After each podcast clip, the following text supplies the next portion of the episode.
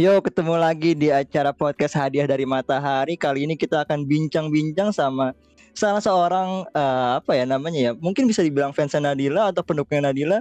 Hari ini kita akan banyak berbincang juga nih sama teman-teman semuanya. Jadi kita akan rame-rame untuk mengulas siapa sih yang akan uh, menjadi bintang tamu hari ini gitu.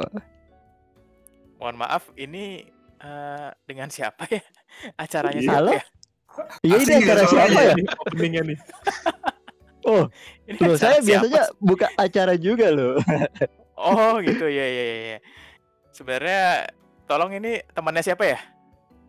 Wah, saya sebenarnya nggak tahu juga pak ya.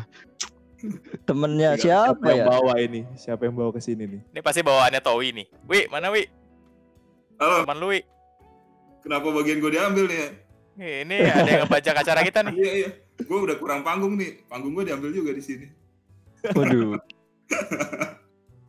Masih kurang terhadap panggung lu. Oke, oke, oke. Halo semuanya. Kembali lagi di podcast Hadiah dari Matahari. Sama seperti kemarin, podcast ini uh, merupakan bagian dari proyek untuk mengantarkan Nadila Sindiwantari menuju show akhirnya di JKT48.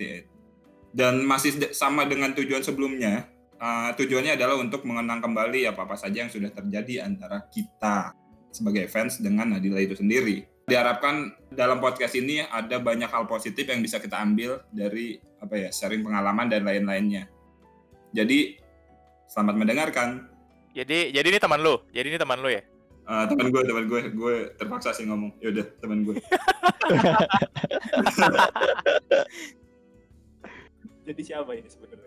Coba tolong diperkenalkan. Ayo silakan perkenalkan namamu sendiri dan berikan jikomu. Wah. Nama gue, gue gue lu nggak apa-apa kan yang ngomong di sini ya? Gak masalah. Apa-apa. Oke ya kalau nama gue sebenarnya Dika. Eh ngefans JKT itu udah lumayan lumayan lama sih. Kalau dulu eh, ID gue itu 001.500. Kalau sekarang kan lu kalau bikin ID baru kan udah udah ratusan ribu kan. Nah gue masih 001.500 udah bikin ID tuh. Segar. ID, oh ID J- ID ini apa namanya? Register di JKT. Yoi. Member. Nol, nol. Wih di. 001.500. Senior. Veteran banget nih. Mohon bimbingannya Kak Dika.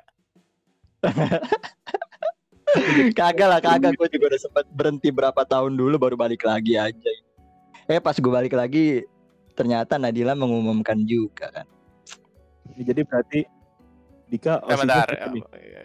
Iya nih, kita mau tanya dulu nih. Kita sebenarnya masih mempertanyakan sebenarnya Dika osinya siapa sih? kalau sekarang nih Ya. ya sekarang kalau sekarang ya. sebenarnya kebanyakan tim T sih osi gue sih Oh gitu. Jadi Nadila bukan osi. sebenarnya bukan bukan Nadila bukan osi gue Jadi lu ngapain di sini anjir? Eh sebentar sebentar. Ini yang bawa dia ke sini siapa sih? Ini ngapain sih? Iya. Enggak enggak. Ini kita kan kan, ceritanya gue temen temen Towi kan ya bentar. Ini berarti lo sama kayak gue dong. Towi Osi kita. iya Berarti- diperkenalkan oleh Towi Berarti ini sebenarnya podcast teman Towi ya, bukan podcast Ya untuk bisa, Nadila ya sih bisa pak kayaknya. ya. Ya tapi kita iya bisa biarin bisa aja nggak apa-apa ya kayaknya. Ya udahlah daripada kita selesai mending kita terusin aja lah nggak apa-apa pak. Ayo silahkan. Nggak apa kita kita menghargai eh, fans-fans yang zaman ini ya, zaman awal-awal JKT bangkit ya. Ya. waduh Bukan bangkit ya, dari bangunnya malah. Oh ya dari dari be- da- istilahnya fans-fans pendiri lah. Hmm, lu kan udah ngikutin JKT dari lama nih ya? Lama banget malah dari awal sebelum Gen 2 ada nih lu udah ngikutin nih. Iya, gua gua tuh ya pertama kali JKT malah gua itu pas konser pertama JKT bareng AKB itu. Jadi waktu itu sebenarnya pas banget baru di apa ya, baru dibentuk kan. Nah, itu konser bareng AKB. Nah, itu gua udah mulai ngikutin JKT dari pas awal ikan Pokari, iklan Pokari sih. Awalnya sih di situ. Itu yang ini ya, yang konser sama EKB itu yang di JSS ya? Eh iya kalau nggak salah sih. Iya, di JSS ya. Pokoknya yang Kalau tiket salah. gratis tuh yang di di belakang deh gitu. Iya, enggak, iya, iya, gua baca iya, iya. doang dari, dari ini. Oh, Nggak saya ada kira tuh. ikut bapak ya. Saya kira bareng, ternyata nyari informasi ya. Iya, saya Hmm. saya suka nyari informasi. Sebagai pembawa acara itu harus suka nyari informasi.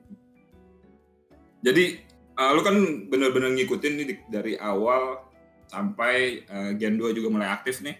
Mm. Gen 2 kan aktif aktif, aktif eh, mulai benar-benar punya show sendiri kan itu awal 2013 ya.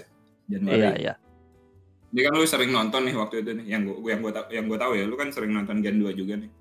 Mm, mm. Berarti eh, lu kan ngeli- secara nggak langsung ngeliat Nadila juga dong maksudnya Nadila ini ini kan karena podcast ini podcast yang peruntukan untuk Nadila jadi lu kan ngeliat Nadila nih dari Iya, iya. awal dulu join di JKT perform pajama drive waktu itu yang selalu dibanding-bandingkan ya dengan pendahulunya lu kan ngeliat tuh lu Mm-mm. merasakan hal Iya. itu gitu maksudnya Iya iya. Gue pengen tahu eh, se se apa seinget lu saat itu Nadila seperti apa sih. Nadila ya, yang gua inget itu dulu kan terkenal sama centilnya gitu kan, masih anak-anak banget lah. Eh, apa Iya, ya iya, iya. konsep? Gua inget banget Nadila itu eh, mungkin dulu dibentuknya untuk jadi anak yang lucu gitu, untuk narik orang-orang yang memang eh, nonton JKT itu untuk ngelihat kelucuannya. Nah Nadila itu dimasukin ke salah satu apa ya personanya mungkin bisa dibilang dibuat jadi anak yang lucu. Kalau dulu sih gua ngeliatnya seperti itu sih. Waktu awal-awal Gen 2. Iya, jadi waktu waktu Gen 2 lo udah main sama Toei kan? Udah, udah, udah. teateran bareng. Oke, itu Udah, udah buktinya ya. teateran bareng. Itu nggak itu nggak bisa Heeh. disangka lagi ya. Iya. Bahkan Towi tadinya kan sempat mau mau mau pensiun awal tuh Towi. Waduh, kok bisa sih? Terus karena, Coba dong karena jadi itu dulu Towi kan mau pensiun awal gitu kan. Awal ya tahun Iya. 2013-an ya Wi ya, lo mau pensiun ya Wi? Akhir 13. Nah, wah sayang banget dong kalau sesosok Towi ini pensiun kan. Nah, akhirnya gua rayu-rayu nih si Towi nih. Nah, Nonton akhirnya Gen 2. berhasil. Nonton. Tadi dia kan Stella tuh kalau nggak salah. Terus dia eh, berhenti di situ dia mau nggak mau pensiun lah orang bilang pensiun. Nah, akhirnya gua rayu-rayu Towi. Akhirnya Towi balik lagi. Ternyata dia lebih parah daripada gua. Lebih giat gitu loh. Tapi totalitas ya. iya, Towi ternyata seperti itu Lah, dia. Sebenarnya kira-kira apa sih sebenarnya yang yang unik dari Gen 2 itu sehingga kalian bisa eh, terjebak lah istilahnya di generasi 2 JKT48 itu? Hmm, Benar-benar dukung Gen 2 ya. Heeh. Gini ya, gua gua dulu ngeliatnya gini, uh, Gen 2 kan punya proporsi latihan yang sama dan sebagai macam yang sama. Tapi di situ dari JOT-nya tuh uh, gua ngeliat uh, nggak adil sih. Kalau menurut gua ya, gua nggak tahu dari uh, manajemennya kayak gimana. Tapi kalau gue sebagai penonton dan fans, gua ngeliat ada ketidakadilan di sana gitu. Ketika itu ada ya, yang kalau itu. Iya di waktu itu ya Ketika kala itu waktu itu MV aja kayak Yuhi cuman beberapa orang aja perbandingannya tuh nggak balance padahal ada gen 1 ada gen 2 gitu ada. Nah terus gue gue lihat juga dari sana orang-orang tuh orang-orang yang lain juga fans kayak bilang gen 2 tuh cuman ngekor aja sama gen 1 gen 1 yang bikin jalan gen 2 ini cuman ngekor aja. Nah dari situ gua ngeliat wah ini nggak bisa kayak gini ini kan namanya generasi satu generasi dua memang generasi dua ini dibentuk sebagai uh, suksesornya juga dari generasi satu kan uh, ternyata diperlakukan nggak adil. Nah dari situ tuh kayak ke trigger gitu loh. Wah nggak bisa nih kayak gini. Ini namanya ketidakadilan gitu kan. Gua dulu melihat seperti itu. Makanya gua uh, apa ya namanya ya fokus banget dari situ ke Gen 2 gitu. Itu awalnya sih. Nah dari sana gua ngeliat usaha Gen 2 yang sering dipandang sebelah mata sama orang-orang, sama JOT juga kelihatannya dipandang sebelah mata. Nah terus juga pas udah kebentuk K3 juga kayaknya K3 tuh banyak banget tantangannya kan setiap mau sesuatu aja ada tantangannya gitu. Waktu mau ulang tahun pertama kalau nggak salah minimal harus seribu orang yang beli tiketnya baru ada gitu gitulah makanya dari situ gua ya ke Gen 2 banget sama ke K3 banget sih dulu gitu. Oke, berarti berarti kita kita bisa bilang eh pada saat Gen 2 itu mulai dibentuk dan kemudian eh, di istilahnya dipublish gitu ya untuk eh, untuk para fans. Kemudian mungkin mungkin nggak cuman eh, mungkin di sini contohnya Dika dan Towi ini merasakan eh, sesuatu yang eh, agak eh, keti- bisa dibilang ketidakadilan gitu di mana sama-sama JKT48 tapi kok yang generasi 2-nya sangat-sangat eh, kurang diekspos gitu kali ya. Iya, Betul, betul. di mata gua ya. Itu di mata gua ya. Maksudnya eh, gua nggak eh, nggak apa ya nggak menyalahkan persepsi orang lain juga gitu. Tapi kalau di mata gua yang gue lihat sih seperti itu ada ketidakadilan antara Gen 1 dan Gen 2 gitu. Tapi dari sisi kualitas member-membernya sendiri kira-kira yang yang bikin yang paling bikin orang tertarik nonton Gen 2 tuh sebenarnya ini kan dari sudut pandang orang-orang yang eh, kayak lo Dik yang lo nonton Hmm. Gen 2 secara keseluruhan gitu ya. Itu kira-kira apa sih yang bikin eh, menarik gitu Gen 2 selain selain kondisinya ya selain kondisi dan tantangannya tapi member-membernya nih kira-kira member-member mana yang yang mungkin menjadi eh, sorotan lah gitu Nih kalau gue pertama kali ngeliat Gen 2 dulu ya, gue jujur pertama kali itu gue suka sama Ika sama Okti. Hmm. Itu yang pertama banget. Nah kemudian dari sana gue ngeliat nih usaha-usaha Gen 2 ini buat narik orang itu gede banget effortnya. Buat narik penonton, buat ngebantah kalau mereka itu cuma ngekor Gen 1 itu gede banget. Nah dari sana yang gue lihat wah tim ini nih punya effort yang besar. Terus juga tim ini punya kekompakan yang gede banget dan mereka selalu bisa untuk apa ya ngalahin tantangan yang ada. Makanya dari situ tuh gue ngerasa wah ini benar-benar eh, apa ya? Kalau gue bilang Gen 2 ini spesial banget sih dulu ya. Gue bilang Gen 2 ini spesial banget. Mereka punya berbagai macam hal yang bisa mereka explore dan mereka melakukan itu walaupun banyak tantangannya. Makanya gue lihat di sana Gen 2 ini eh, cukup superi- superior sih di mata gue di waktu itu. Wih, statement yang cukup eh, ini ya berani ya Iya kalau menurut gue ya secara, secara secara secara talenta dan effort ya walaupun nggak nggak nggak apa ya nggak apa nggak menyampingkan usaha Gen 1 ya tapi gua rasa Gen 2 ini untuk eh, orang kan dulu ngelihatnya effortnya itu untuk ngelihat Gen 1 kan lebih besar daripada Gen 2 yang gue lihat waktu itu karena Gen 1 juga di publik di apa namanya di TV-TV lo akan ngeliat Gen 1 kalau kita dengar ceritanya Panji juga ya eh, memang yang ada di TV ya itu-itu aja gitu kan makanya dia juga Iya, iya. ngosinnya eh, ya yang ada di TV gitu. Nah, ini yang gue lihat Gen 2 ini mencoba untuk mengalahkan persepsi itu dengan caranya mereka sendiri dan ini sangat luar biasa buat gua. Gitu sih. Oke, jadi eh sorry nih gue nanya terus ya. Eh, soalnya menarik sih ceritanya karena waktu itu gue gue juga kalau dari cerita gue mungkin gue juga memulai JKT48 itu dari Gen 2, tapi secara nggak sengaja juga sih, gitu. Hmm. Cuman itu cerita buat lain hari lah. Nah ini kan kita lagi ngomongin Nadila nih. Kalau menurut lo dik eh, untuk spesifik nih Nadila sendiri itu Hmm. perkembangannya gimana sih dari Gen 2 dari awal-awal Gen 2 sampai dibentuk K3 terus sampai eh, sekarang akhirnya nggak di K3 lagi gitu kan itu menurut lo gimana sih perkembangan Nadila eh, secara baik eh, apa namanya talentanya kemudian personalnya gitu di di JKT48 Iya, sumpah ya, Nadila ini salah satu member yang paling gua respect yang ada di JKT dari pertama gua ngefans JKT sampai sekarang. Bahkan gua dulu ya, kalau misalnya gua lagi malas skripsian gitu ya, gua selalu inget Nadila. Ada orang yang kayak Nadila gini yang udah dihalang-halangin, menurut gue dihalang-halangin segala macamnya dan gak dikasih kesempatan dia usaha segala macem dan dia masih mau usaha. Dan itu tuh ngebentuk semangat gue banget buat ngejalanin hal-hal kalau gua ngerasa sulit. Itu yang gue lihat. Terus dari pertama kalau Nadila sekarang tuh kelihatan banget perubahannya. Dulu gua nggak lo eh, kalau lo ngeliat Nadila yang zaman dulu lucu-lucu gitu lo nggak akan nyangka Nadila bisa berubah jadi orang yang punya apa ya, pemikiran yang wise, yang bijak seperti sekarang ini. Kalau gua kemarin ngikutin showroom showroomnya Nadila, pemikiran tuh udah jauh banget lebih dewasa daripada yang dulu. Terus dari segi talent bukan apa ya, eh, dari segi skill lah. Skill Nadila ini skill yang memang diasah sama dia. Jadi bukan kalau orang bilang punya gift atau bakat, Nadila ini mungkin eh apa ya banyak banget usahanya untuk mengeksplor apa yang ada di dirinya. Karena situasinya juga dulu dia nggak masuk eh, line up segala macamnya, bahkan sampai 16 blocking segala macam yang dia usahakan. Dan di situ gue ngeliat eh, ini anak nih hebat banget dan dia bisa ngubah situasinya dia nggak menguntungkan sampai dia bisa jadi seperti sekarang ini tuh sesuatu yang hebat banget menurut gue.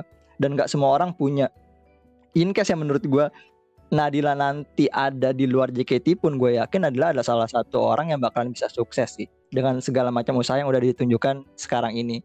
Kalau dia bisa bawa semangatnya sama apa ya namanya ya eh, kerja kerasnya seperti yang dia lakukan di JKT, gue rasa Nadila ini bakalan jadi salah satu member eh, luaran JKT, ex member JKT yang bisa sukses di luar nanti. Itu sih menurut gue. wah ini kayaknya harus diaminin dulu nih amin Iya, amin, Amin. amin, amin. karena karena gini menurut gua usahanya itu luar biasa banget usaha dia ngejaga fansnya segala macamnya usaha dia ngejaga image-nya dia sendiri itu luar biasa banget Eh gua hampir nggak pernah denger Nadila punya skandal gua rasa sih eh, gua hampir nggak pernah denger gitu lah dan itu gua rasa salah satu effort yang bisa dibawa Nadila dari awal sampai sekarang terus juga usahanya gua eh, Nadila tadinya nggak bisa alat musik bisa main gitar dan sampai sekarang juga dia sekarang eh, ya lo tau lah Nadila image-nya sekarang udah musisi banget gitu menurut gua. Eh, dan Nah, itu, itu bisa gimana? Kalau itu sendiri. gimana? Kalau menurut pendapat lu sendiri gimana dengan Nadila yang image-nya tadinya cuman mungkin bisa Lucu-lucu. dibilang lucu-lucu, kemudian dia eh, image-nya adalah eh, apa namanya member yang sangat eh, berjuang gitu ya. Dan sekarang kan me- Mhm. image-nya yang sangat sangat lekat itu kan musisi ya sebagai akustik ya. Nah itu menurut Iya. lo gimana? Apakah lo eh, apakah menurut lo itu sesuatu yang justru semakin menarik atau malah agak kok member mainan akustik gitu kayak eh, maksudnya kok member malah performnya akustik gitu kan harusnya member eh, ya nyanyi lagu dan eh, apa namanya koreo dan segala macam gitu kan itu harusnya member seperti itu gitu. Jadi menurut lo gimana? gua kalau menurut gua pribadi sih ini jadi sangat menarik sih karena orang jadi punya pilihan karena lo lihat aja fans JKT itu apa ya em, beragam banget sih dari yang suka musik rock, musik jazz segala macamnya ada dari yang suka bola nggak suka bola juga ada dan kalau untuk pilihan selera Nadila ini membuat apa ya menampilkan pilihan lain orang untuk suka sama JKT dengan akustiknya. Dan sekarang kayaknya ketika dia mau lulus dia udah menemukan nih gue mau jadi apa sih? Gue mau dipandang orang sebagai apa? Dan gue rasa Nadila yang sebagai musisi ini menurut gue udah eh, kalau di entertain ya eh, Nadila udah nemuin nih apa yang dia mau bawa kalau di dunia entertain. Menurut gue sih itu. Jadi eh, ini menurut gue keren banget sih dan sangat oke sih untuk gue bahkan gue ngarepinnya sih tiap member JKT bisa punya hal-hal semacam ini hal-hal yang memang dia pengen tunjukin ini loh spesialnya gue jadi orang tuh bisa tahu dia dengan eh, spesialnya dia personal lah kalau orang bilang itu sih kalau menurut gue Oke, Dik. Gini, Dik. Gue, gue kan kita sama-sama ngikutin Gen 2 dari lama nih, Dik. ya. Hmm, hmm. Eh, kapan sih lu bener-bener ngerasain bedanya Nadila? Bisa gak maksud gue, bisa gak lu kasih sesuatu yang spesifik? Nadila tiba-tiba pas lu lihat, oh, lu sadar nih ternyata ini anak tiba-tiba, eh, anak ini anak berubah nih gitu. gue benar-benar ngeh Nadila itu pas dia belajar nguasain 16 blocking sih Wi itu dari Iya, situ gue ngeliat 2016 banget ya. iya iya gue ngeliat banget dia eh, mau berubah ke arah yang memang orang-orang ini akan dipaksa untuk ngelihat ke dia gitu in case lu bukan fans Nadila di momen itu lu pasti akan nyadar oh member ini punya usaha yang lebih banget effortnya kayak gitu sih Wi itu momen di mana gua rasa hampir semua fans JKT akan ngeliat Nadila sih di momen itu gitu Betul. Tapi kan eh, sebenarnya ya dia Hmm. melakukan hal itu kan karena keterbatasan dia yang nggak dapat posisi dan lain-lain. Hmm, hmm, hmm. Hal Oke, jadi mungkin perlu perlu Iya, kita ini kayak mungkin mungkin buat teman-teman yang baru eh, kenal Nadila eh ini sempat disebutkan beberapa kali di podcast-podcast sebelumnya juga. Eh, Nadila itu sempat em, nggak masuk line up eh, teater. Itu istilahnya kayak eh, bukan 16 member yang perform inti gitu ya, kalau nggak salah. Bener nggak? betul betul betul betul. betul, It- betul. itu di setlist eh, apa ya? Saya saya Bel Ganaru ya. Sesubel Ganaru.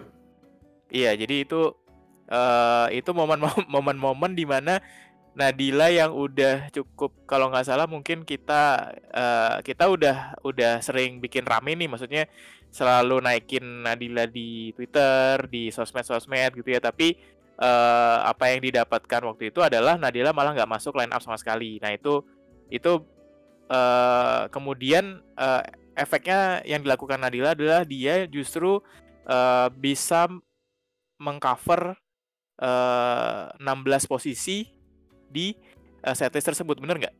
Eh, gini, Iya. gue lurusin dulu, gue lurusin dulu. 15 bukan 4, 16. Takut. Oh iya Orang 15, salah. 15. Ah, ya, 15, 15, 15. Iya, Kurangi cuma di situ. Udah, silakan lanjutkan, lanjutkan.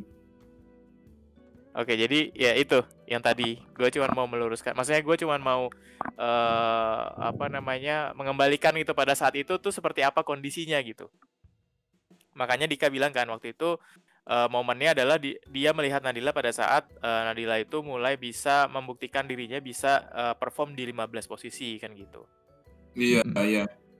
Tuh, eh seingat gue itu sebenarnya dia ngelakuin hal itu adalah ini ya eh, apa ya, ini hal yang yang yang kadang-kadang gue juga eh, terharu maksudnya gitu. Tujuannya adalah eh, banyak yang pengen nonton gue kayak yang, yang Panji ceritakan kemarin gitu. Banyak yang pengen nonton gue. Tapi gimana caranya biar gue bisa perform? Mau gak mau gue harus bisa semua blockingan. Simpelnya kayak Iya. gitu sih sebenarnya dulu. Dari yang dia omongin ya, dari yang ceritakan ya. Gue lupa di mana dia cerita di showroom atau di di mana gitu. Pokoknya intinya tujuan gue ya biar orang-orang yang mau ngelihat gue nih bisa ngelihat gue gitu. Datang Iya. jauh-jauh bisa ngelihat gue gitu.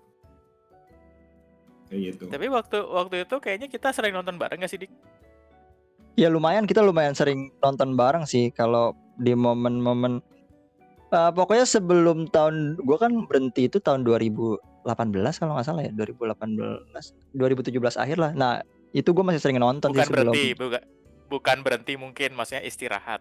Istirahat istirahat istirahat. Niatnya dulu Eh, pengen eh. berhenti tapi ternyata Heeh. pensiun itu mitos dong. eh, pensiun itu bukan mitos, pensiun itu fase. Itu fase lagi. itu, ser- itu fase. Setelah ini gue buktiin, lu semua lihat ya. Setelah ini gue buktiin. Ini kita Kalau- udah lihat nih, paling paling lama ya gue pegang lah omongan paling paling lama gen 12 Towi balik lah. Iyalah Ya, dua tahun lah ya, bisa lah ya. Iya. istirahat aja tuh itu Bisa, istirahat. ya. Heeh, butuh istirahat doang. Tapi cerita dia kan jadi menarik jadi jadi ya jadi waktu itu eh, waktu itu eh, kita kan sering sering malah menebak-nebak gitu. Eh menebak-nebak posisi Nadila pada saat perform akan di mana Hmm. nih sekarang gitu. Itu se- jadi sebuah gimmick yang justru menjadi eh, eh, membuat kita yang nonton Nadila itu jadi menarik gitu. Bener nggak, Dik? Iya betul banget. Jadi kalau gue sih dulu kayak gini. eh Nadila ini setiap yang nggak apa ya, setiap ngisi slot kosong itu selalu menampilkan hal yang baru, yang berbeda dari orang yang diisi gitu. Walaupun misalnya orang yang diisi ini punya image-nya eh, sangar gitu. Nah Nadila ini bisa ngisi dengan caranya dia sendiri gitu. Dan ini yang bikin lo setiap Nadila perform di apa namanya di blockingan yang berbeda-beda itu punya sensasi baru ketika lo menonton. Dan ini daya tarik sendiri Nadila buat gue sih. Gitu. Iya. Nah, ini ini Wi, ini bagus nih Wi. Kalau nonton tuh emang harus memperhatikan Wi. Jangan nungguin Waro doang, bener nggak? Betul, Waduh. tapi gue gue selalu nyari waro sih dis kalau nonton dis. Joget-joget. Eh, Dik lu udah gua dia. naikin malah lu menjatuhin diri lu sendiri gimana sih? kasih tahu nih, ada fun fact nih. Lu kalau nonton sama Dika, apalagi kalau row 1 ya, itu selalu joget, Pak. Dari M1 sampai encore, joget terus. iya dong. Selalu bawa Gua- like stick kita tuh. Like stick selalu ada, nggak pernah absen like stick tuh. Aduh. Pernah lu dipinjem ya like stick, like stick lu ya? Waktu catering Iya, kan? sama Haruka sama iya sama Haruka dipinjam sama eh sama, Sama Desi, Desi. apa sama, Desi, sama Desi iya. Desi Waktu Desi, kita Desi. nonton Nadila juga tuh. Keren. Itu. Aduh. Ya gitulah. Maksud maksudnya kan udah da- jarang orang row satu yang semangat. Kalau Iya, dulu mungkin awal nonton JKT banyak semua hampir semuanya rata seperti itu maksudnya ngecen ya pokoknya kayak gitu. Tapi makin ke sini kan makin ge- bergeser nih gayanya. Hmm, iya. Tapi lu tetap konsisten dengan gaya lu ya gitu. Iyalah karena gua nyari happy sih. Terus juga pasti dapat waro kalau lo joget-joget aneh gitu Iya. walaupun membernya ketawa-tawa gitu kan. Kadang-kadang membernya juga ketawa-tawa sendiri loh ngeliat tinggal kita joget-joget. Buat gue hiburan juga sih buat eh, diri gue pribadi. Dan hiburan buat mereka juga tentunya. ya. saling Iya. menghibur ya. Saling menghibur, iya iya. Dan teman gue yang di teman yang di samping gue juga jadi dapat waro juga kan. Panji dapat Iya. juga ya nggak? Terima kasih Dika. Nggak bercanda bercanda bercanda. masih menahan ya. tapi kalau tapi kalau ya tapi emang masih emang sih benar sih Ji kalau misalnya nonton bareng Dika itu apalagi gak tau ya kalau kalau gue sih prefer standing ya kalau nonton bareng Dika Ah. soalnya pasti jadi kardio sih itu sebenarnya yakin sih. Serius, bener tuh. Lo gak, gak bisa tenang deh. Tiap lagu ada aja gerakannya. Mau lagu sedih, mau lagu yang ini, ada aja. Jadi lu Iya. secara nggak langsung pasti bakal ikutan juga. Ya udahlah gue sekalian dah all out juga deh. Kalau barengan Pakam sama lu. Dia punya pakam sendiri loh, pakam joget ular. Oh itu. Sekarang nggak Wah, ada gua iya. kayak gitu tuh. Nggak ada, Nggak ada, nggak ada. joget ular tuh nggak ada lagi. Tangannya jadi ular tuh nggak ada. Cuma lu doang. Iya. takut mungkin sekarang gue takut diomelin sama bangku sebelah wi. Galak-galak ya sekarang ya. Jadi balik lagi nih ke Nadila nih gitu. itu kan awal mula lu dukung eh, Gen 2 kan itu enggak apa eh memang memang menyeluruh maksudnya walaupun fokus lu waktu itu eh, setelah Optigrade ya Ika ya gitu. Tapi kan lu Iya, terus ngikutin ngikutin Nadila juga di situ karena ya teman-teman lu banyak yang dari dari Nadila gitu. Dari Mm, mm. dari gue dan lain-lain Panji dan lain-lain Eh, dan lu diajak gabung gitu lu diajak gabung ke Nadila dan kita banyak minta tolong sama lu juga gitu maksudnya eh fanbase tuh kalau gue pribadi ya waktu itu sama teman-teman kayak gue nggak peduli nih lu sukanya siapa eh, lu, lu osinya siapa gitu. Selama lu suka sama Nadila dan lu mau bantu kita buat kontribusi eh ngebuat kontribusi buat Nadila itu nggak nggak nggak nggak masalah gitu. Waktu itu kan lu sempet buat sibuk buat bantu apa Zin nih. Itu gimana sih waktu itu Eh, ya jadi kalau gue sih dulu gue nganggap fanbase Nadila ini adalah perkumpulan teman-teman gue sih. Karena eh, di sini lo bisa berbagi apa pun. Karena gini gue ini kalau di luaran ya di luaran itu gue dikenal sebagai orang yang baik-baik gitu. Tapi kalau di eh, fanbase Nadila ini kalau lagi sama teman-teman yang lain gue bisa menunjukkan sisi gue yang lain. Jadi gue ngerasa nyaman banget di sini. Bahkan sampai gue bisa menunjukkan sisi gue yang nggak baiknya gitu. Jadi gue lebih terbuka. Dan eh, menurut gue ketika gue ngebantu eh, fanbase Nadila ini adalah salah satu bentuk apa ya komitmen gue untuk ngejaga juga teman-teman gue project-project teman gue supaya bisa sukses juga sih. Jadi gue ngelakuin itu juga memang karena ada ikatan pertemanan juga sama kalian semua. Dan gue sangat bersyukur sih bisa ada di Nadila Fatik dari eh, zamannya Towi awal di sana sampai eh, sekarang juga teman-temannya juga masih banyak dari sana masih main dari masih main bareng dari sana. Dan gue ngerasa nggak diberatkan sama sekali sih. Karena jujur eh, yang waktu itu gue buat zine itu kan ya zine mag- magazine gitu image itu yang Hey Iya, iya. Nadila. Itu kalau pas gue ngelamar kerja gue masukin ke CV gue loh. Dan gue diterima di salah satu tempat kerjaan gue eh, sama ngelawan pesaing gue waktu itu karena ada kelebihan di sana. Gitu. Jadi gua waktu itu gue gue ngasih lihat zinenya Nadila yang eh, kita buat waktu itu dan itu menurut gue salah satu poin plus juga buat gue. Jadi eh, adalah sesuatu yang diberikan banyak banget malah dari fanbase Nadila ini buat gue. Dari sisi pertemanan juga dari segi kemampuan gue juga mulai belajar desain kecil-kecilan di sana gitu.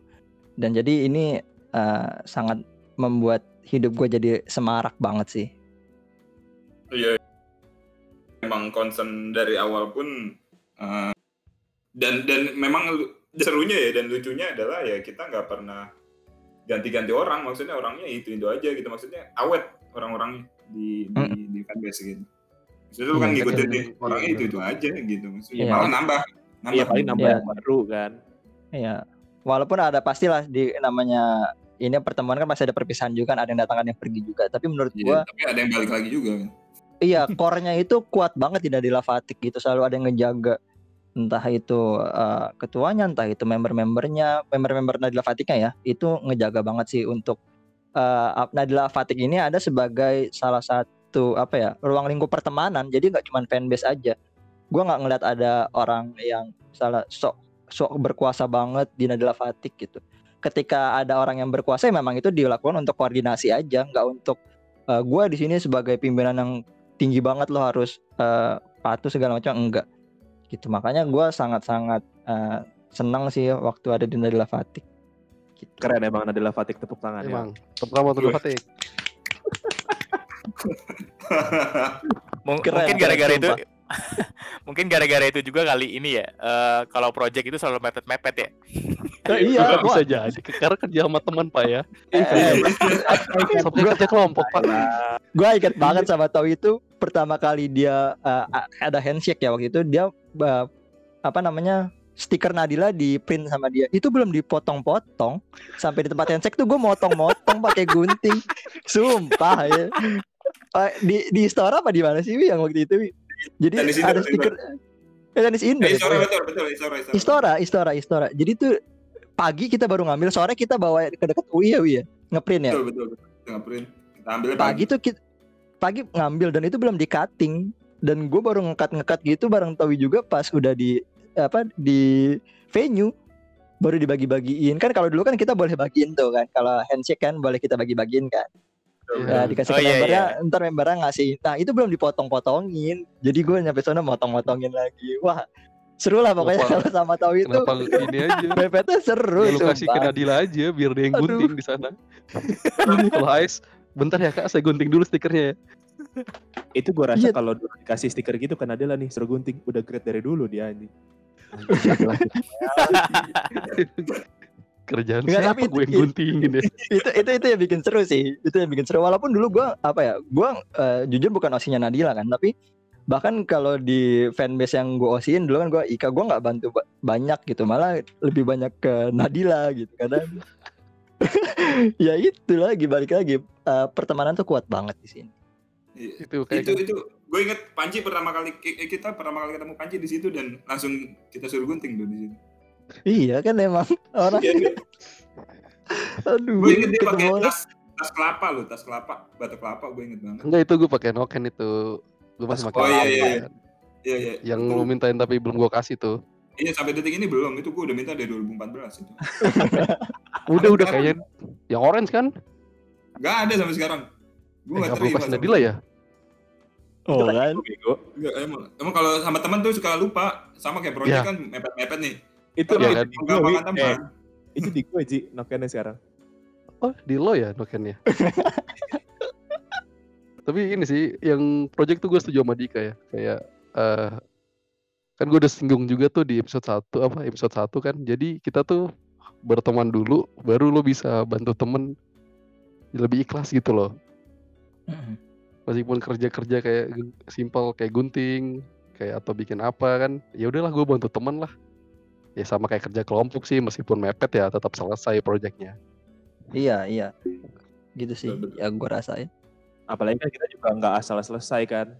Iya. iya Nggak pernah selesai jelek gitu ya, nggak pernah Wi. iya Nggak setuju pernah. Oh, Selalu hasilnya memuaskan. buat diri kita sendiri. tapi ini loh menurut gua project-project Nadila Fatik itu kayak eh, apa ya namanya kayak orang belum punya project ini kalian udah buat duluan kayak gitu dulu Zine juga masih belum rame di fanbase-nya kalian udah buat duluan terus banyak project-project yang gua rasa eh, Nadila Fatik ini kayak pelopor gitu loh model-model project-project barunya itu sih yang gua rasa kalau eh, Dalam hatinya tepuk tangan lagi. Iya. Yeay. Iya, tapi ya dulu sebenarnya concernnya adalah ya karena Nadila terkenalnya sulit ngewaro ya maksudnya. Jadi yang dipikirkan adalah gimana caranya lu kerja tapi nggak ngarepin waro Nadila gitu. benar benar benar Kayak kita dulu bukannya ini deh. Beneran Apa? buat dipuji sama ini doang kayak pengen pembuktian nih, nih loh kita meskipun kita dulu iya terbatas masalah dana ya. Tapi kita bisa loh bikin kayak gini. Meskipun kita nggak sebanyak yang lain, orang-orang kita cuma segini aja, tapi kita mampu loh bikin project ulang tahun atau apa yang bagus. Jadi itu menurut gua pembuktian aja sih bu- buat ke orang-orang. Kalau kalau kita nih ada, Jadi setiap ada project tuh kita mikirin kita mau buat ini, terus mikirin lagi jangan ngebuang uang gitu. Misalnya mau bagi-bagiin barang di dalam, bagi-bagiin lightstick di dalam teater, jangan jangan ngebuang-buang uang, jangan. Orang ter- orang orang orang tuh belum tentu mau angkat-angkat lightstick, jangan jangan kita jangan ngambil yang kayak gitu gitu. Kita ngambil yang bisa kita atur aja gitu. Akhirnya buat Ya. lampu sendiri di dalam teater itu kan Iya. pertama kita gitu maksudnya. Ya gue nggak tahu Iya. sih sebelumnya apa enggak, tapi seingat gue gue ngerasa itu paling awal gitu. Selalu, selalu kan bahkan juga kita budgeting selalu diteken nih ya kan sama Andre Iya, iya. lagi meskipun ada kita Iya, ya, meskipun bisa. lebih sejuta nih sejuta ah jangan deh jangan sejuta udah gope gope gope deh pokoknya dipotong lagi ya. potong terus emang antara Dipotong.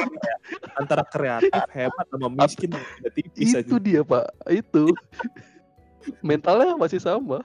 lucunya adalah setelah dipotong malah jatuhnya nanti cuma 300 ribu misalnya budgetnya sejuta dipotong jadi 500 Andre mintanya ntar ujung-ujung cuma 300 gitu Waduh, cairnya cuma 300 gimana nih? project ulang tahun ininya cuma 300 mahalnya cuma di ini oleh-oleh pas pulang itu yang mahal Mau nggak mau ya Iya. harus putar otak Iya, iya. kita ya. iya iya iya kayak gitu gitu jadi dengan segala keter- keterbatasan yang ada mungkin sama kali ya maksud maksudnya ada kemiripan sama Nadilanya juga gitu dengan Mhm. segala keterbatasan yang ada ya kita harus mem- bisa manfaatin semuanya gitu semua yang Iya. ada waktunya kita manfaatkan mulai dari teman-teman sendiri kita manfaatkan teman-teman sendiri Jadi j- jangan ditiru ya teman-teman ya. Eh, lo lo nggak lo nggak tahu aja Ji lo dimanfaatin. Gini, Nadila juga miskin dan kreatif gitu maksudnya ya. Iya. Gimana ya Pak ya? iya kita berangkat dari dari fanbase yang enggak memang bukan fanbase yang eh, rame orangnya atau orang-orang yang eh, ada apa ya donatur yang bisa ngasih banyak. Eh, ya pokoknya seperti itu dengan keadaan Nadila yang dulu. Eh sorry tuh saya nggak nggak nggak semenarik member yang lain gitu. Kita sadar oh Hmm. kita nggak semenarik member-member lain. Bagaimana cara memaksimalkannya? Ya ya seperti inilah gitu. Kita Iya. memang membernya osi osinya masih belum menarik eh belum belum menarik atau lagi nggak menarik gantian nih. Kalau dulu yang yang selalu kita tekanin adalah oke kalau misalnya Nadila saat ini belum menarik fanbase-nya harus menarik selalu waktu Iya. itu kita tekankan seperti itu fanbase-nya harh menarik Oke oke oke kita kita kita balik lagi lah ya kita balik lagi nih. Iya, balik Gue mau gue mau nanya ini nih, gue mau nanya kan eh, terakhir pas waktu pengumuman Nadila Sosenkyo yang terakhir yang Arab Saudi itu Hmm. eh, gimana dik menurut lo dik? Maksudnya eh, lo kan sempet eh, ngelihat perjuangan teman-teman nih untuk Iya, eh, iya, iya. menuju ke sana gitu. Itu Iya, gimana? iya. Kira-kira eh, ada kesan-kesan nggak? Sumpah ya, gua uh, gua nyaksiin juga ketika uh, di Sosenku yang keberapa sih yang Nadila gagal masuk Senbatsu yang proyeksinya itu Nadila bisa Senbatsu nah itu 2016. Ah, 2016. Aduh itu disebut lagi, disebut lagi. 16. Sumpah, sumpah. Ini uh, di di momen itu gua ngelihat uh, kalian semua kan sedihnya sesedih itu banget uh, Yudi, Stowi, uh, Panji dan segala macam orang yang ada di sana tuh sedih banget gitu kan. Uh, Abdul, Andre juga segala macamnya. Dan gua ngelihat uh, di tahun yang kemarin Rhapsody kalian tuh gua baru kali ini ngelihat uh, Towi sebahagia itu. Terus juga gua baru uh, di momen itu gua ngerasa kayak wow ini teman-teman gue usahanya dari awal banget uh, bikin Nadila jadi diakui sama orang lain tuh berhasil dan sampai situ juga Nadila juga memberikan apa ya effortnya tuh dari awal sampai dia jadi senbatsu itu nggak berhenti loh. Dia selalu usaha dan itu yang gue salut banget. Kayak lo berdua Nadila Fatik sama Nadila ini lo punya semangat sama effort yang sama. Sama-sama pejuang sama-sama punya kemauan yang kuat dan sama-sama nggak menyerah di momen ketika lo gagal. Dan ini uh, di momen itu kayak gue ngeliat ini adalah bentuk dari uh, kalau orang bilang usaha keras nggak akan mengkhianati hasil ya gue rasa ini adalah salah satu bentuk uh, apa ya kisah nyata tentang itu. Walaupun ada juga usaha yang um, kalau gue rasa ada tetap ada usaha yang mengkhianati hasil. Tapi salah satu sukses story usaha keras tidak akan mengkhianati hasil ya kisahnya Nadila Fatik sama Nadila ini yang gue lihat ada gitu. Dan gue ngelihat teman-teman gue uh, kalian semua sangat-sangat apa ya gue juga sangat bersyukur bisa nyaksiin bareng. Di momen itu kan ketika Sosen Sosen ke pengumuman itu gue baru aja balik lagi tuh ke JKT kan nonton JKT lagi. Dan gue bisa ngelihat momen ini uh, adalah kayak wow ini salah satu hal yang gue sangat bersyukur gue bisa saksikan sih. Iya iya iya, benar momen. Karena momen sebelumnya hampir hampir maksudnya hampir dulu yang kayak usaha Iya. keras ya. Kita semua mikir usaha keras ya ini kita benar-benar di dihianati sama usaha keras gitu. Gue ingat itu. banget. Towi marah-marah di mobil segala macem pulang pun gue di mobil Towi tuh kayak ngeri-ngerian gitu juga kan. Ditabrakin di mobilnya nih jangan-jangan gitu. Ya maksud gue udah se-desperate itu juga. Karena gue ngeliat effortnya kalian juga kan. Eh, di momen itu juga kita juga udah eh, kayak bagi-bagiin jual-jual potopek segala macam juga ya Wi ya Betul betul. jual-jual segala macamnya Towi juga udah nyari ke sana kemari kita semua juga udah nyoba berjuang waktu itu juga kalau nggak salah lagi apa sih Eh momen apa Piala Dunia apa apa gue sempet ngasih saran ke Towi kita buat judi aja wi duitnya kalau mau menang gitu Iya iya. Ya itu gue masih inget. Jangan ditiru guys, jangan ditiru Piala, guys. Piala Dunia apa Euro sih wi 2016. Lupa gua. 2016 ya Piala Dunia. Piala Dunia kan itu gue ada berapa wi? kan karena waktu itu perhitungannya eh, ya agak susah kalau menembus misalnya yang pasti masuk gitu kan. Tapi biar pasti masuk gimana kalau kita buat judi aja wi Piala Dunia gitu? Tapi nggak dilakukan sama tuh. Iya, gue udah ngitung-ngitung tuh sampai gue ngitung kemungkinan kita berhasilnya, peluangnya gimana gitu. Tapi akhirnya nggak jadi dilakukan. ya udah gitu dan gue ngeliat usahanya kalian sih juga udah effortnya besar banget di momen itu dan walaupun gagal kalian bisa comeback stronger gitu loh. Walaupun eh, ada jeda sempat kayak Towi udahlah nggak usah ngepus lagi. Mungkin Towi mikir kayak gitu ada kekecewaan juga ada yang pergi juga segala macamnya. Tapi di momen kemarin Rhapsody itu kan semuanya banyak yang balik lagi segala macamnya. Dan itu gue ngeliat wow ini keren banget. Dan ini memang waktunya sih gitu. Betul betul betul betul. Sumpah kalau kalau tahu duit gua waktu itu mau dimasukin ke judi ini Piala Dunia gua nggak jadi anjir. nggak jadi tapi untungnya kan nggak jadi dong Makanya bola. Berani-beraninya kalian. pada baru niat aja beneran gak jadi loh. Gimana kalau jadi? Iya. Emang gak Kalau berkah. Senbatsu tapi nggak berkah senbatsunya. iya nah kalau sekarang kan Pak. kalau sekarang kan mantep nih kalian juga eh, kisah teh pucuk segala macamnya kan bisa jadi kisah yang memorable banget buat teman-teman semua aja pas Senbatsu kemarin Kalau Osinya mau senbatsu tuh harus tuker teh pucuk. Itu paten. iya jangan main judi teman-teman semua Harus kita harus Iya. berusaha ya. iya Enggak, tapi memang se-desperate itu waktu itu gitu. Saat itu tuh desperate itu gitu. Iya benar-benar karena Sampai ke mana-mana nangis, mikirnya tuh nyari duitnya. betul. Sebenarnya uangnya ada, tapi kita kayak kayaknya nggak maksimal nih uangnya gitu. iya Waktu itu bingungnya tuh adalah gi- gimana nyari tiket vote-nya dengan uang yang ada segini. Gue pengen ngambil mahal, eh gue pengen borong tiket tapi takut uangnya habis gitu. Gimana gitu. Kan kalau uangnya banyak enak ya udah gue borong aja, gue borong, gue borong gitu. Tapi waktu itu Iya. dengan dana yang ada sebenarnya ada cukup lah maksudnya kalau misalnya itu. Eh, tapi waktu itu mikir gimana biar lebih banyak lagi nih gitu, biar vote-nya Iya. yang kita dapat lebih banyak lagi gitu. Saking Karena- saking desperate ya maksudnya. Iya, iya. Maksudnya saking desperate itu kita nyari cara apalagi sih yang bisa kita eh, explore ya supaya kita bisa dapat dana lagi segala macamnya gitu. Dan waktu itu memang momen Piala Dunia ya gue kepikiran aja gitu. Cuman untungnya nggak nggak jadi. Nggak nggak jadi. Oke, jadi, di- a- bener-bener harus dit- harus ditekankan ya, nggak jadi guys, kita nggak jadi Nggak jadi. judi kok. Nggak jadi guys. Ini nggak jadi guys. Tenang itu cuma cuma ide gila aja jatuhnya ide gila Ide gila doang kok. ide gila enggak Terus eh, Dik, kalau eh, kita semua kan sebenarnya kita kaget nih, oh mendengarkan eh, apa namanya berita Nadila mengumumkan graduate. Nah, masing-masing dari kita nih punya punya momen mom- momen yang eh, tersendiri nih pada saat Nadila mengumumkan graduate nih. Kalau lu sendiri gimana Dik? Ada cerita nggak? Sumpah ya pas Nadila ngumumin graduate itu gue kaget banget dan bahkan gue abis itu langsung eh, kita telepon-teleponan terus eh, beberapa orang gue, Andre, Panji, eh gue, ya Andre, Panji, eh Gali, terus Abdul juga kita telepon-teleponan juga. Nah pakai Discord dan kita tuh kayak mengulang momen gitu apa sih yang udah kita lakukan eh, di Nadila Fatik? Dan ternyata banyak banget momennya. Dan momen itu adalah momen-momen yang gue rasa uh, momen-momen pertemanan pertemanan kita gitu.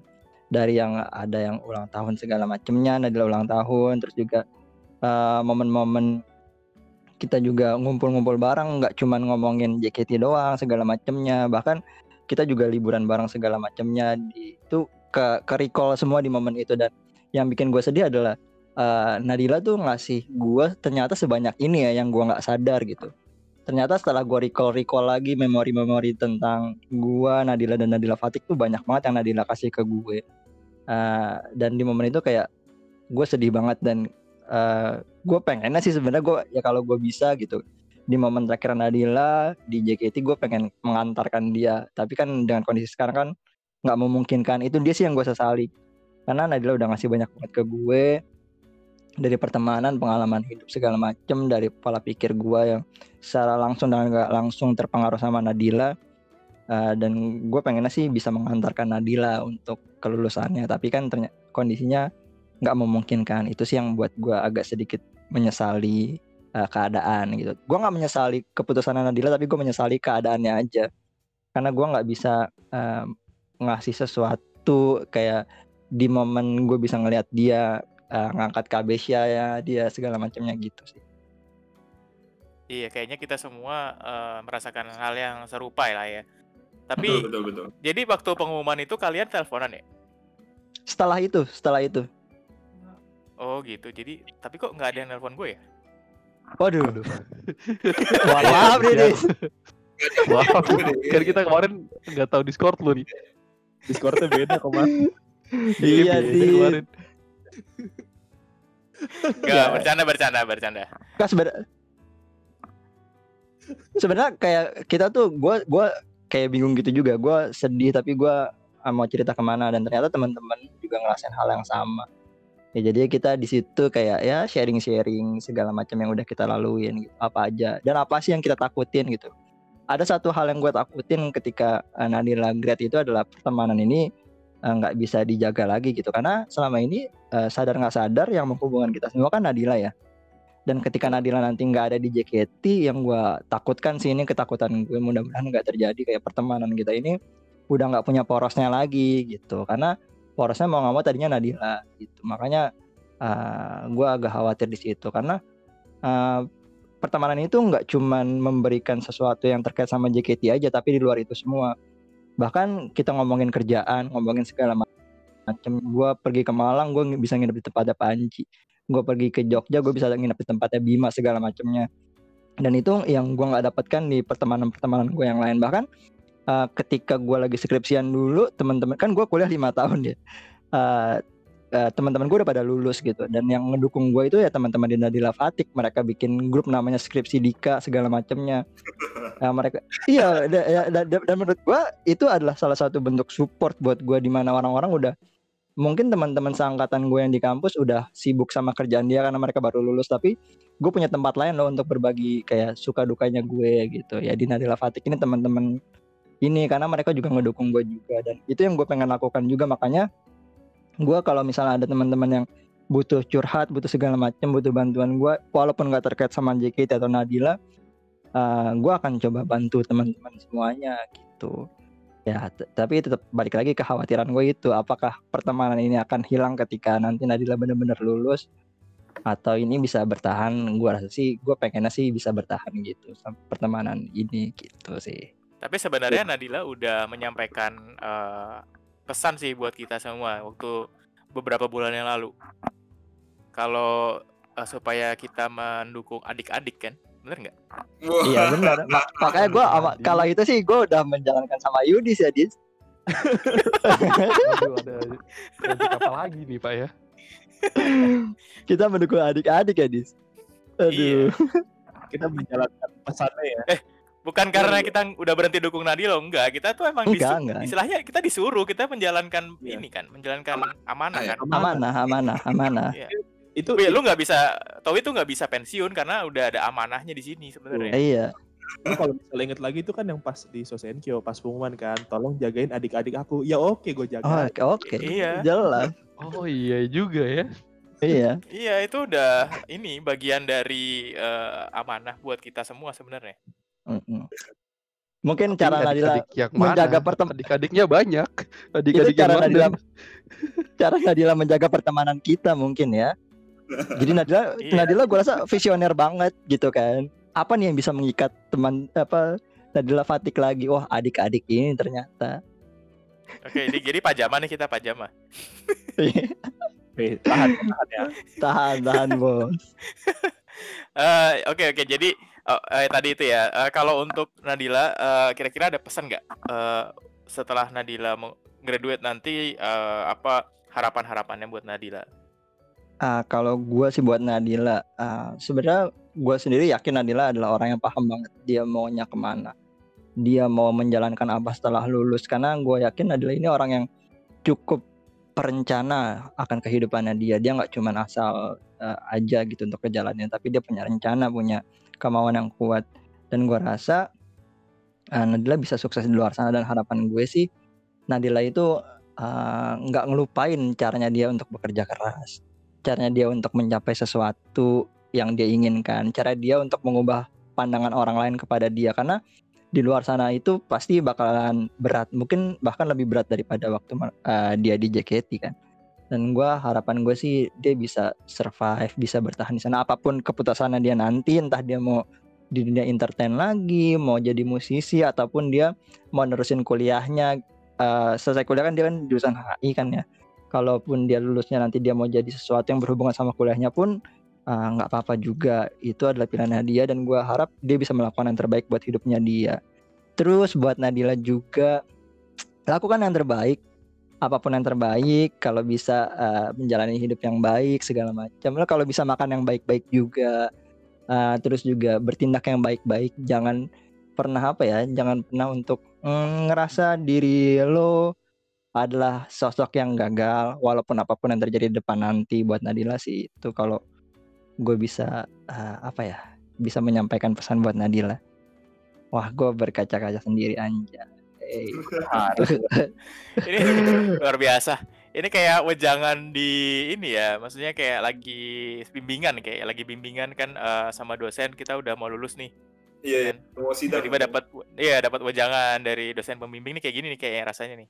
Iya, iya. Iya karena eh, karena gue belajar banyak banget dari Nadila jadi gue nggak pengen aja gitu Nadila eh, apa ya eh, ngerasa dia sendirian juga ngerasa dia eh, suatu hari nanti mungkin ngadapin hal yang lebih sulit dari DJ terus dia ngerasa gagal gue nggak pengen dia ngerasain itu sih gue harapin ya mungkin di di satu momen orang-orang pasti akan ngerasain gagal tapi gue harap dia bisa bertahan dan bisa lebih kuat lagi untuk menghadapin kehidupannya dia gitu sih walaupun mungkin Amin. eh, Iya, kan eh, di luar nanti eh, belum tahu ya Nadila akan seperti apa juga gitu. Jadi gua harap sih dia bisa ngelakuin yang terbaik juga buat dirinya sendiri. Gitu. Oke. Oke, Mantap. thank you banget Dik. Ini kayaknya kalau dilanjutin kita jadi ada ini ya, ada bawang tiba-tiba di dekat kita nih. Ada. Nah, ada satu lagi, Dis. Oh iya, iya, Ini nih, ini ini gue penasaran banget nih, gue penasaran banget. Eh, Hmm. se- eh, kita balik lagi ya, kita kita rangkum nih. Kan lo udah eh, ngidol sejak istilahnya sejak Pokari Sweat lah gitu, Ah, bener nggak? Iya, Betul. gitu. Wota Pokari. Nah, dari dulu sampai sekarang nih, eh waro yang paling eh, lo rasa dari Nadila tuh ada eh, yang bisa diceritain nggak? Maksudnya waro yang paling eh, berkesan buat lo gitu dari Nadila. Waro yang paling berkesan kalau sebenarnya kalau Waro banyak juga sih. Yeah. Nggak nggak nggak.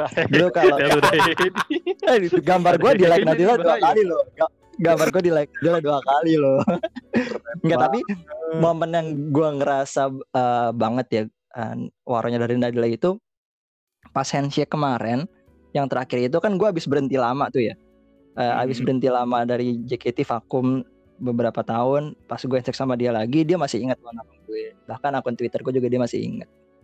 Kayak wow lu nginget gue padahal gue udah jarang banget untuk eh, terkait sama JKT segala macemnya. Itu menurut gue adalah salah satu hal yang gue rasa oh ini loh Nadila. Walaupun mungkin kelihatannya dia itu nggak perhatian bukan nggak perhatian apa eh, irit warok lah kan irit warok lah Nadila kan di mata fans fansnya mungkin.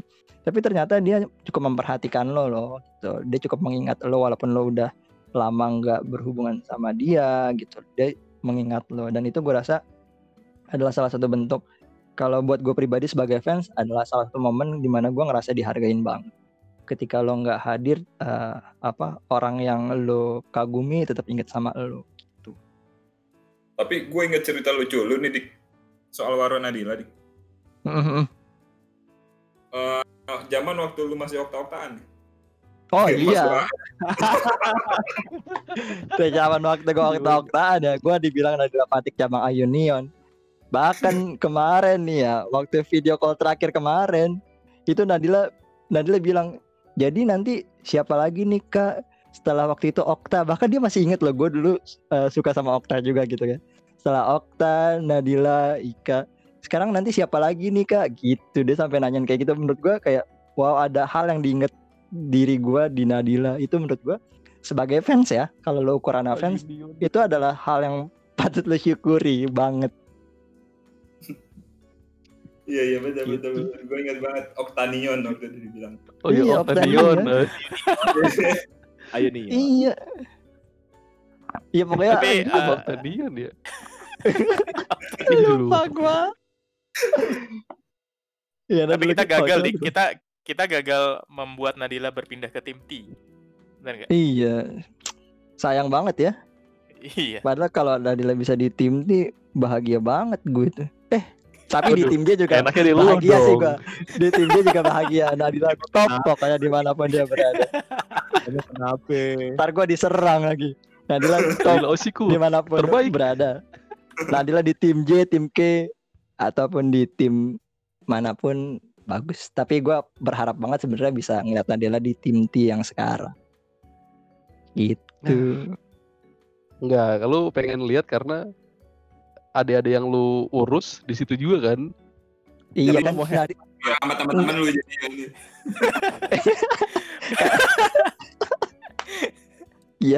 sebenarnya gue pengen bareng teman-teman gue lagi gitu kan nonton bareng gitu kalau ada Nadila kan teman-teman gue berkumpul nih Biar lu gak sendiri ya. iya tapi ada Yudis kok Yudis sahabat gue banget kalau di gen-gen baru Waduh. Menjaga adik-adik. Kan kita selalu menggali potensi, menjaga Iya. adik-adik. betul betul Kalian tuh anaknya amanah semua ya, anaknya amanah banget. Bangga sama lu semua. Nurut semua ya. Iya, Iya. nurut. Kalau kayak gini Apa- nurut ya kan. wajib lah nurut lah Oke oke. Ini seru banget nih ceritanya nih. Aduh. Ya memang selalu seru dik. Kalau misal ngobrol sama lu tuh selalu seru. Emang lu tamu spesial dik. Jadi eh, mungkin sekian dulu aja dik. Terima kasih banyak dik. Udah terima kasih teman-teman semuanya Ya udah mau ngeramein podcast ini. Mudah-mudahan eh, orang yang mendengarkan gak bosan gitu. Mudah-mudahan ada iya perspektif amin, amin. baru yang bisa orang lain dapatkan. iya Yang pokoknya yang jelek-jelek yang jelek-jelek jangan ditiru ya teman-teman semuanya ambil yang ya. baik-baiknya aja iya jangan ditiru Jangan sampai judi bola ya untuk Osi. Gak boleh ya. Lebih baik kita tukar teh pucuk. Tapi sebelum selesai nih, makasih juga nih buat Panji nih udah bantuin jadi sub host Oh juga iya, buat sama- sama-sama. Terima kasih banyak Ji. Emang lu Sama-sama. anaknya fleksibel banget. Iya. Dari dulu sampai sekarang anaknya fleksibel. Yang saya sedang membantu teman, Pak. Iya, sebagai iya. Fleksibel bener-bener. Lu diajak disuruh tidur di depan kamar mandi aja lu bisa dulu. Ya kan emang tempatnya nggak ada lagi, Pak ya. Aduh depan kamar mandi Saking fleksibelnya. Oke, oke. Eh, thank you mungkin Iya iya sekian dulu eh, podcast hari ini, podcast kali kali ini bukan hari ini, podcast kali ini. Terima kasih untuk semua teman-teman yang mendo- eh, yang mendengarkan dan membagikan. Kita juga sampai detik ini eh, nggak henti-hentinya buat mengajak, ayo siapa teman-teman yang mau berbagi ceritanya, berbagi kisahnya tentang Nadila, tentang perjalanan ngajal dia yang tetap ada hubungannya dengan Nadila ya. Eh, ayo di share aja di uh, form yang sudah dis- dibagikan di fanbase. Uh, itu Bitly apa ya kemarin? Kisah Nadila. Betul. Jadi uh, diisi aja nanti uh, cerita yang menarik. Sebisa mungkin kalau bisa semuanya kita ambil sebisa mungkin. Tapi kita kita nggak tahu nih seperti apa ke depannya. Tapi nggak ada salahnya buat kalian sharing aja gitu. Biar sesama kita bisa saling tahu. Gitu. Oh ternyata ada juga yang ceritain seperti ini, ada juga yang ceritain seperti ini. Jadi kita bisa ngelihat sesuatu itu dari perspektif yang nggak cuma dari sisi kita aja, tapi kita bisa ngelihat dari banyak sisi. Seperti itu. Eh, terima kasih semuanya sudah mendengarkan. Eh, kita akan terus berkembang, kita akan terus eh, belajar. Mungkin podcast kali ini masih banyak yang salah, masih banyak yang kurang, tapi kita tetap belajar. Sekali lagi, eh, kita pamit. Ciao.